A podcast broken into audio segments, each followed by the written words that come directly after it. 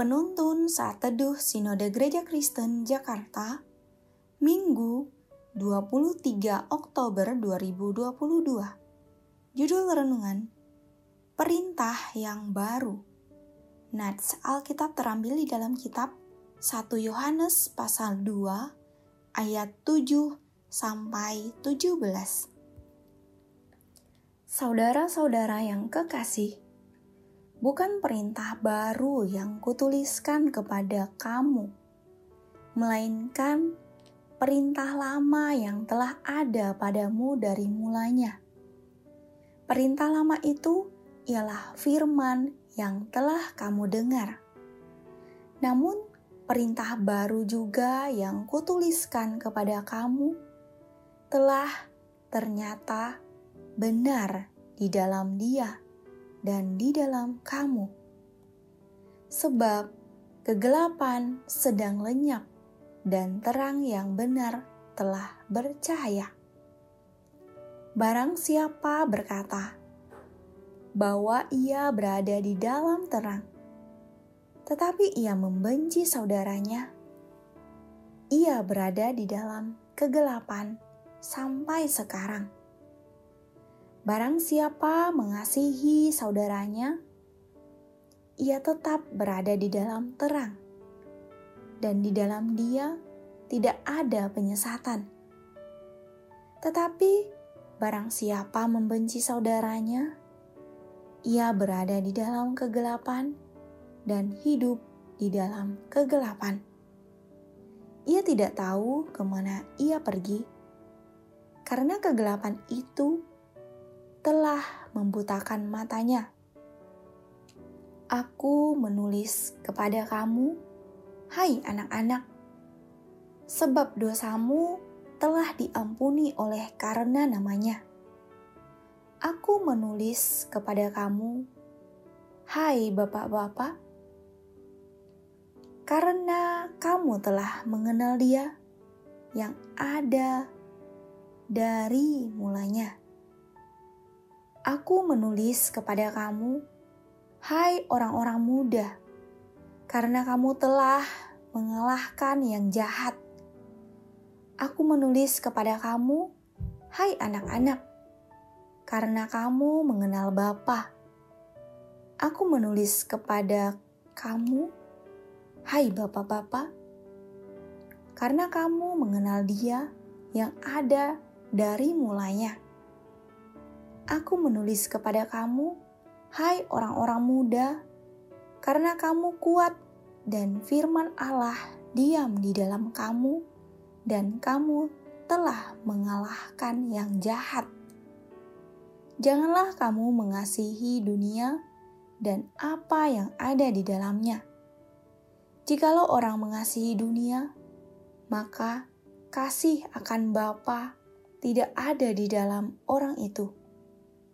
Sebab semua yang ada di dalam dunia, yaitu keinginan daging dan keinginan mata, serta keangkuhan hidup, bukanlah berasal dari Bapa, melainkan dari dunia. Dan dunia ini sedang lenyap dengan keinginannya. Tetapi orang yang melakukan kehendak Allah tetap hidup selama-lamanya. Perintah untuk mengasihi di satu sisi adalah perintah lama, tetapi di sisi lain adalah perintah baru.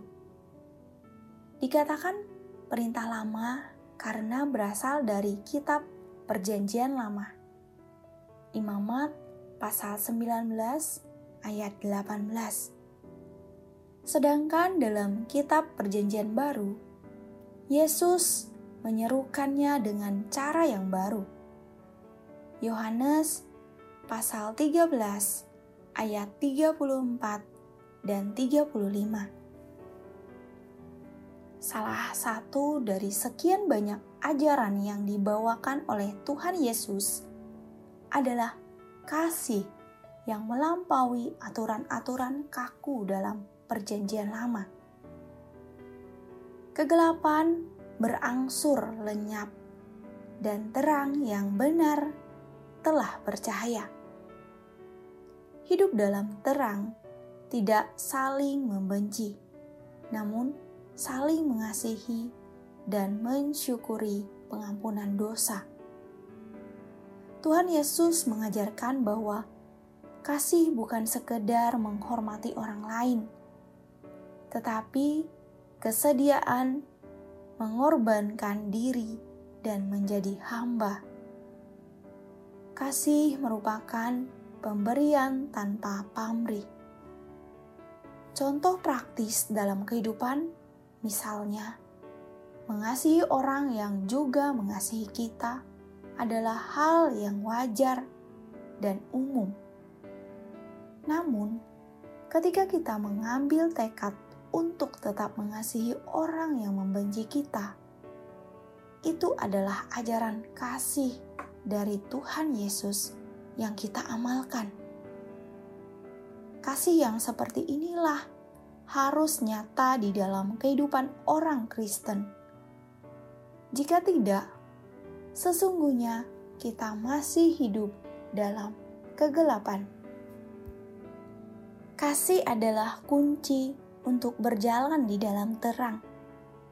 Namun, manusia cenderung mau menempatkan kasih pada porsi yang salah, yaitu terpaut dengan hal-hal yang ditawarkan oleh dunia. Orientasi kasih yang salah inilah yang menghalangi kita untuk mengasihi Allah dan sesama lekat dengan Allah adalah kunci untuk menghasilkan pengertian yang benar dalam mengasihi, termasuk di dalam berelasi kepada sesama. Oleh karena itu, mintalah kekuatan dari Allah agar kita dimampukan untuk mengasihinya dan sesama dengan segenap hati. Amin. Mengasihi Allah dengan segenap hati akan menghasilkan kasih yang benar kepada sesama. Amin. Terima kasih. Tuhan Yesus memberkati.